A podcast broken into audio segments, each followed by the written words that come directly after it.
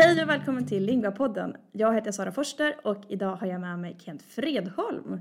Vill du berätta, vem är du och vad har du för bakgrund?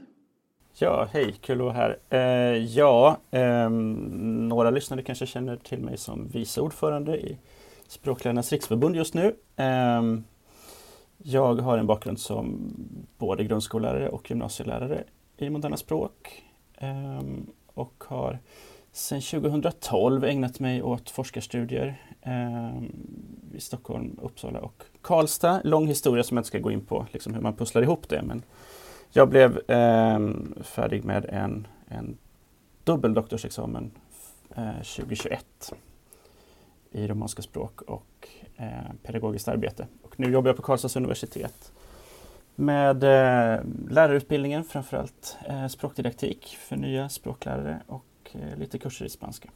Mm, Okej, okay, kul. Tack för att du är här. Vad handlar din avhandling om? Om du berättar lite kort om den.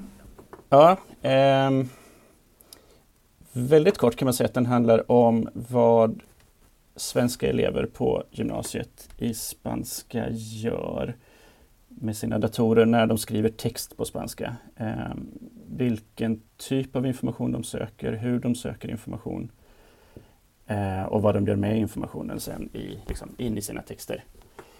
Eh, och lite mer detaljerat eh, så blev det så. Det var inte tanken från början men huvudfokus kom att bli att titta på vad de gör med maskinöversättning och då framförallt Google Translate som var det de använde mest. Jag hade, jag hade tänkt titta på helt andra grejer. Eh, men, men eleverna sysslar inte med de här andra grejerna som jag hade trott att de skulle syssla med. Så det, det, ja, jag bytte spår till, till Google Translate. Ja, spännande. Och vad hade du trott att de skulle titta på? Eh, det jag hade tänkt att titta på som jag tyckte var intressant när jag gick in i det var eh, för, ja, eleverna satt och skrev i, i Word-dokument och jag, jag, ville titta på vad de gjorde med rättstavningsförslag som dyker upp eh, och grammatik, eh, ja, grammatikkorrigeringsförslag som, som dyker upp eh, i Word. Men eh, problemet var att eleverna inte brydde sig om, eller problem, eller problem för mig i alla fall som ville titta på det. De brydde sig inte om de här eh, små krokiga linjerna som dök upp under några ord utan de, eh, de bara skrev vidare utan att liksom kika på vad det där betydde. Och det är ju ett resultat i sig men det, det kanske inte håller att bygga en hel avhandling på. Intressant. Och eh, vilka strategier använder då eleverna när de använder de här olika översättningstjänsterna? Mm. Ehm, man skulle kunna börja i ehm, ja, den ska vi säga, nidbild nästan som jag själv som liksom språklärare hade med mig in i och titta på det här. Så man tänker att eleverna det skriver faktiskt också en del forskare i lite äldre studier. Eleverna är lata och liksom skriver in en hel text och klickar och sen får de upp en översättning och så är de nöjda. Eh, och det hände en gång i materialet men eh, det jag framförallt såg var att eleverna till ganska stor, i ganska hög grad misstrodde eh, resultaten. Eh, de visste om att det kunde finnas fallgropar, sa de till mig i intervjuer som jag gjorde. De, de, var liksom på sin vakt och de, väldigt ofta var de inte nöjda med första resultatet utan de fortsatte att bearbeta det. Eh, så ja, jag ser, såg dels elever som eh, använde Google Translate ungefär som man skulle ha använt en ordbok. Att man, man undrar vad ett visst ord heter, man slår upp det eller man googlar fram det eh, och så ser man vad det heter och eh, ja, i vissa fall nöjer sig så men i väldigt många fall fortsätter att leta. Kanske genom att eh, ändra form på det här ordet man skrev in. Alltså har man skrivit in det i obestämd form så ibland ändrade eleverna om det till bestämd form eller tvärtom för att se om det blev någon skillnad. Eh, och då kan de utvärdera, blir, blir översättningen fortfarande densamma så kan man kanske känna sig lite mer säker på att det heter nog så. Eh, blir det något helt annat, eh, då ökar ju osäkerheten. Vilket av de två förslagen är korrekt? Om det något av dem är korrekt. Eh, det kunde handla om att de bytte eh, tempusform på ett verb eller bytte från infinitiv till en böjd form. Eller från en böjd form till en infinitiv. Eh, eller bytte personform på ett verb, så bytte ut subjektet. Väldigt många olika liksom, små ändringar av antingen av enstaka ord eller de elever som um, som var vanligare som skrev in, eh, ja, jag har kallat det för ordsekvenser, korta fraser. Eller allt ifrån två ords sammansättningar till, till liksom långa fraser. där de också gjorde väldigt många bearbetningar fram och tillbaka. Genom att lägga till ord eller ta bort ord eh, eller ja, ändra på ordformerna på olika sätt. Och ja, steg för steg utvärdera de nya översättningar som blev för varje ändring. Mm.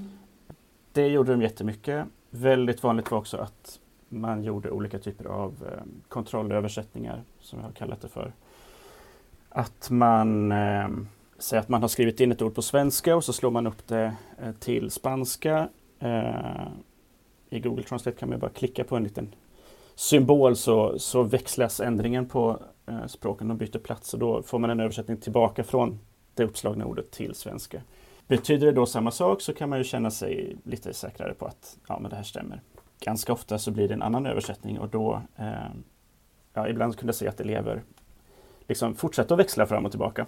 Och också rätt ofta, eh, det har jag ägnat mig åt det senaste året och tittat lite mer på, eh, så nöjer man sig inte med svenska och spanska utan man kopplar också in engelska.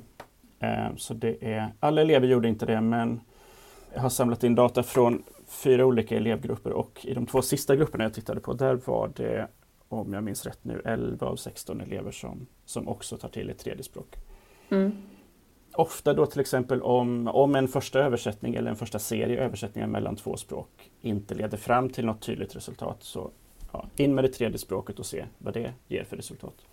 Det är ett sätt att liksom ytterligare kontrollera det språkliga materialet. Ja. Jag vet inte om du nämnde vilka steg det här, du sa att det var på gymnasiet. Vilka steg var det du undersökte?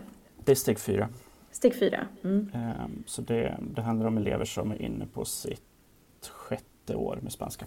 Mm. Och som har rätt, rätt goda språkliga kunskaper måste man också säga. Ja, det varierade nog. Mm. Ja, men det är inte så, som steg ett, där det är nybörjarspråk menar jag. Det är ju elever som ändå är vana vid att se spanska, höra spanska, göra saker med spanska. Vad kan det finnas för fördelar för elever att använda sig av till exempel Google Translate? Ja, den frågan med fördel. Jag brukar få den frågan eh, ganska ofta. och det är ju, beror ju lite på vad man egentligen menar med fördel och fördel. Ja, nu sa du fördel för eleven, men fördel i förhållande till vad? Så en sak eller en effekt man kan se som en fördel är att det ofta går betydligt snabbare att producera en text på det här sättet. Även om en del av eleverna la ner ganska mycket tid på, på den här typen av liksom kontroller och kontrollöversättningar fram och tillbaka så jämfört med att sitta i en ordbok och bläddra så går det fort. Eh, och det nämnde också några elever som, ja, de kanske inte använde ordet fördel, men som någonting bra som de liksom såg, någonting praktiskt med, med det här hjälpmedlet.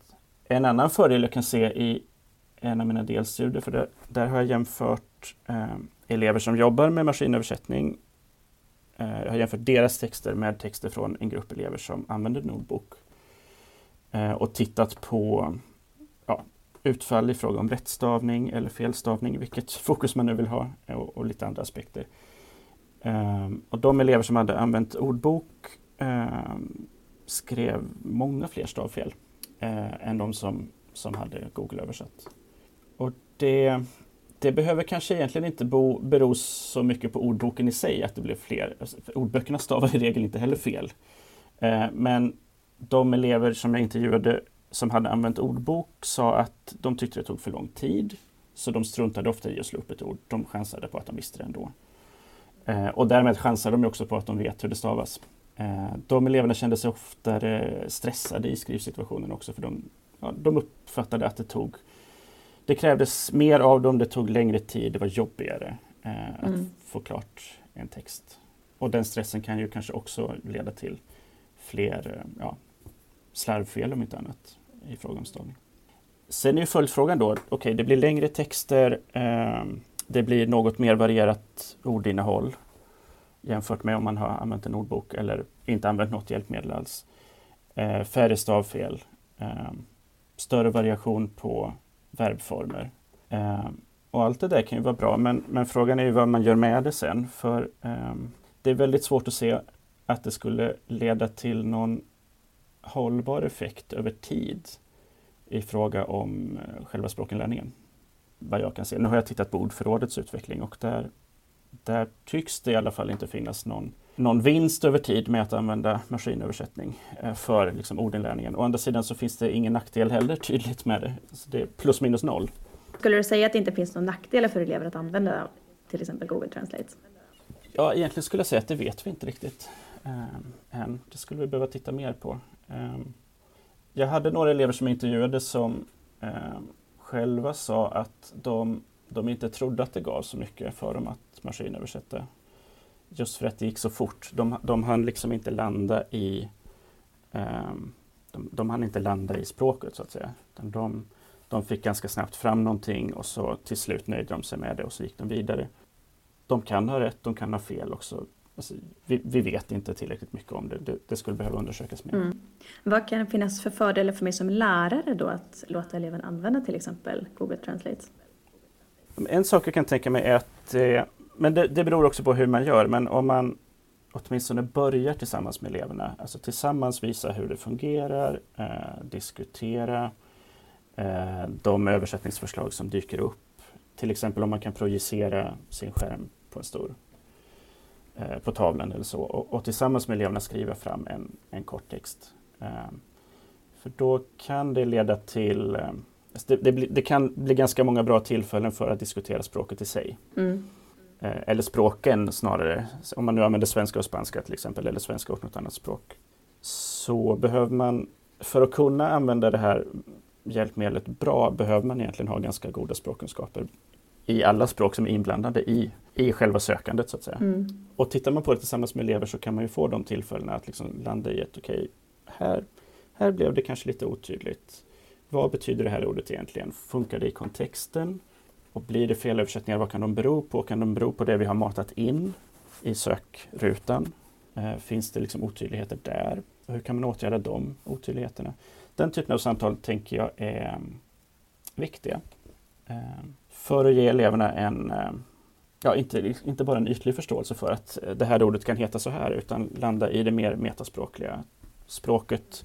De språk som är inblandade är uppbyggda på det här olika sättet, liksom jobba kontrastivt och jämföra och landa i du har ju nämnt lite, men vilka nackdelar då kan det finnas med det här för eleverna? Eh, ja, dels att det går snabbt. Jag tänker att det, snabbheten i sig misstänker jag i alla fall eh, kan leda till att nödvändig reflektion kanske uteblir.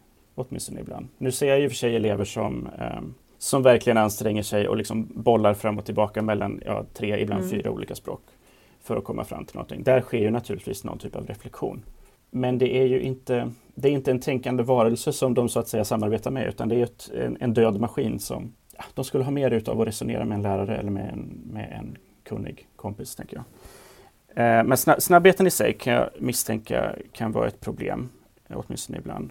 Sen tyckte jag det var intressant i, i en del studier när jag intervjuade elever vad de själva såg, liksom, vad, vad, funkar bra, vad funkar mindre bra med maskinöversättning. Eh, för många där uttryckte ganska stark skepsis. Att de, ja, men de vet att det kan bli fel, de litar inte på allting och just därför försöker de på olika sätt komma till rätta med problemen. Men i just den gruppen var det elever som sa att men det vi framförallt tycker att vi har nytta av med maskinöversättning är att den kan ge oss en hint om meningsbyggnad på spanska. För det, de eleverna som jag intervjuade i den gruppen de sa att just meningsbyggnaden, hur, hur man ska veta vilken ordning orden ska stå i, var det absolut svåraste för dem på spanska. Eh, och där menar de att maskinöversättning var bra för dem, för då, då fick de liksom en bild av att okej, okay, så här ser en mening ut. Eh, men sen när jag tittar på um, och jämförde de som hade använt ordbok och de som hade använt eh, maskinöversättning. De som hade störst meningsbyggnadsfel och där det var mest eh, svårbegripliga eller till och med obegripliga meningar var de som hade använt maskinöversättning. Och det tycker jag är jättespännande för det, den lilla nytta som de liksom såg tydligt, eh, eller trodde att de såg, var det som de fick störst problem med. Och då är de ju, lura, då är de ju lurade. Liksom. Jag tänker du är inne på flera intressanta saker här och just det här att eh, jag undrar men vad lär sig eleverna av det här och hur ser det ut utanför klassrummet? För alltid när man ska producera en text på ett annat språk det är ju, utanför provsammanhang, då har man ju tillgång till alla de här verktygen. Samtidigt som i bedömningssituationer i skolan så har de inte, inte det. Och frågan är hur tar man det liksom till att de faktiskt lär sig de här sakerna som, som du säger att de uppmärksammar. Men där är snabbheten som du säger kanske någonting som, ja, som begränsar vad vi än som lärare vill att våra elever ska lära sig behöver vi aktivt hjälpa dem att lära sig. Eh, jag tänker att det är vår uppgift. Jag har inte mött särskilt många lärare, tidigare i alla fall, som har sagt att ja, men jag tar absolut upp mm. maskinöversättning och visar hur man gör och jobbar med eleverna med det. Det, det kanske lärare gör nu. Eh, men jag tänker när jag började mina studier så var det var nästan tabu. Mm. Eh, hos både lärare och elever som jag mötte. att ens liksom nästan prata om det. Jag tycker också att eleverna behöver lära sig att hantera, mm. ja, inte bara maskinöversättning, de behöver lära sig att hantera ordböcker mm. och andra hjälpmedel som finns. Och då får vi se till att de får jobba med det. Eh, men på ett strukturerat sätt så att de inte lämnas ensamma. Mm. För jag tänker att det du är inne på, alltså det kan vi se som en strategi. Vi ska ju arbeta med, vi ska inte bedöma, men vi ska arbeta med strategier i både språkinlärning men också strategier i hur man producerar språk. Men hur skulle man som lärare kunna arbeta då med maskinöversättning? Jag tänker dels som jag sagt att man kan eh, åtminstone börja med eleverna. Liksom, Säg att vi ska skriva en text. Eleverna kanske kan bestämma ämnen själva utifrån någonting de har arbetat med. Det blir ett bra tillfälle att repetera hur man bygger upp en text liksom med inledning och allt som ska finnas i en text beroende på genre. Och sen att man, man projicerar på tavlan och visar hur man gör. Man kan låta eleverna turas om vid datorn och skriva texten eller om man som lärare vill göra det själv. Men att de får testa på några i taget, skriva, översätta det de inte eh, kan eller känner sig säkra på och så diskutera, diskutera, diskutera. Eh, vad är det som dyker upp i översättningsförslagen? Funkar det i sammanhanget? Just det här med, med sammanhang är, tycker jag är jätteviktigt för en översättning kan vara fullständigt korrekt men inte funka i kontexten. Och det är också någonting eleverna behöver medvetandegöras om. Och var, varför funkar eller funkar det inte i kontexten? Den typen av arbetssätt tänker jag återigen kan leda till jättenyttiga diskussioner. Mm. Sen kan man också sätta samman övningar med eh, saker som är svåra att översätta. Eh, och, och, det kan man för all del låta elever jobba med. Alltså, nu är det ju inte bara maskinöversättning mm. som är en, en strategi. Eh, de skulle kunna jobba också med ordbok eller med en grammatikbok eh, kring den typen av övningar. Men att man sätter samman eh, med flit så att säga svåröversatta saker där det finns mycket fallgropar in, inblandade. Ehm, det kan ju handla om ord på svenska som har många olika betydelser eller som behöver översättas på flera olika sätt beroende på, ja, på sammanhanget. Och där tänker jag en fördel skulle ju då kunna vara att eleverna faktiskt ser det här själv och inte bara att man tar upp så här äh, falska vänner i en lärobok utan faktiskt märker det själv när de själv är aktiva och producerar ett språk att de märker att det här funkar inte riktigt. Fast återigen så behöver man som lärare gå in ganska aktivt och också tala om att det inte funkar för det är inte säkert att, att man inte förstår det som elev. Mm. Nej, för jag tänker, jag har inte arbetat själv med just konkret Google Translate. Jag vet att eleverna använder det men jag har inte använt det som en undervisningsaktivitet på något sätt. Men jag tänker mig att det är skillnad på om man har 15 elever i ett klassrum eller 30 elever i ett klassrum. Och eh, om man på något sätt kan effektivisera det på något sätt så kanske det ändå är värt att, att testa på att eh, använda Google Translate i undervisningen. Jag tänker att det är bra eh, så att man inte hamnar i, i den här tabukänslan som de elever jag intervjuade gav uttryck för. Att mm. ja, vi vet att det är jättedåligt och lärarna har sagt att vi absolut inte får, men vi gör det ändå. För då, då, sitter de där och dels är osäkra på sina egna språkkunskaper och dels är rädda för vad läraren mm. ska se vad de gör. Och liksom skuldkänslor. Jag tänker skuldkänslor är inte det mest uppbyggliga för att lära sig ett språk. Nej, verkligen inte. Det betyder ju inte, kan jag väl flika in, att eh, de nödvändigtvis ska sitta och jobba med maskinöversättning varenda lektion. Det tycker jag inte. Variation behövs ju när vi lär oss språk och vi behöver ju också tänka på språk. Reflektion som du säger, det är ju någonting som vi behöver för att lära oss överlag. Vad kan jag ta med mig in i mitt klassrum redan imorgon? Eh, nyfikenhet kanske man kan skicka med. Alltså eh, om, man, om man som språklärare aldrig har jobbat med maskinöversättning själv så tycker jag kanske att det är en dålig idé att eh, imorgon gå in i klassrummet och säga till eleverna nu ska vi jobba med Google Translate. Testa lite själv först. Titta hur det blir. Försök själv skriva en text, kanske på ett annat språk som man inte kan så bra själv. Eh, så är det lättare att liksom sätta sig in i hur eleverna har det. Och sen fundera på hur man, hur man kan ta in det i undervisningen. Alltså, kan man ge något kort exempel? Eh, fundera på saker som är svåra att översätta och börja diskutera med eleverna. Och inte vara rädd för det.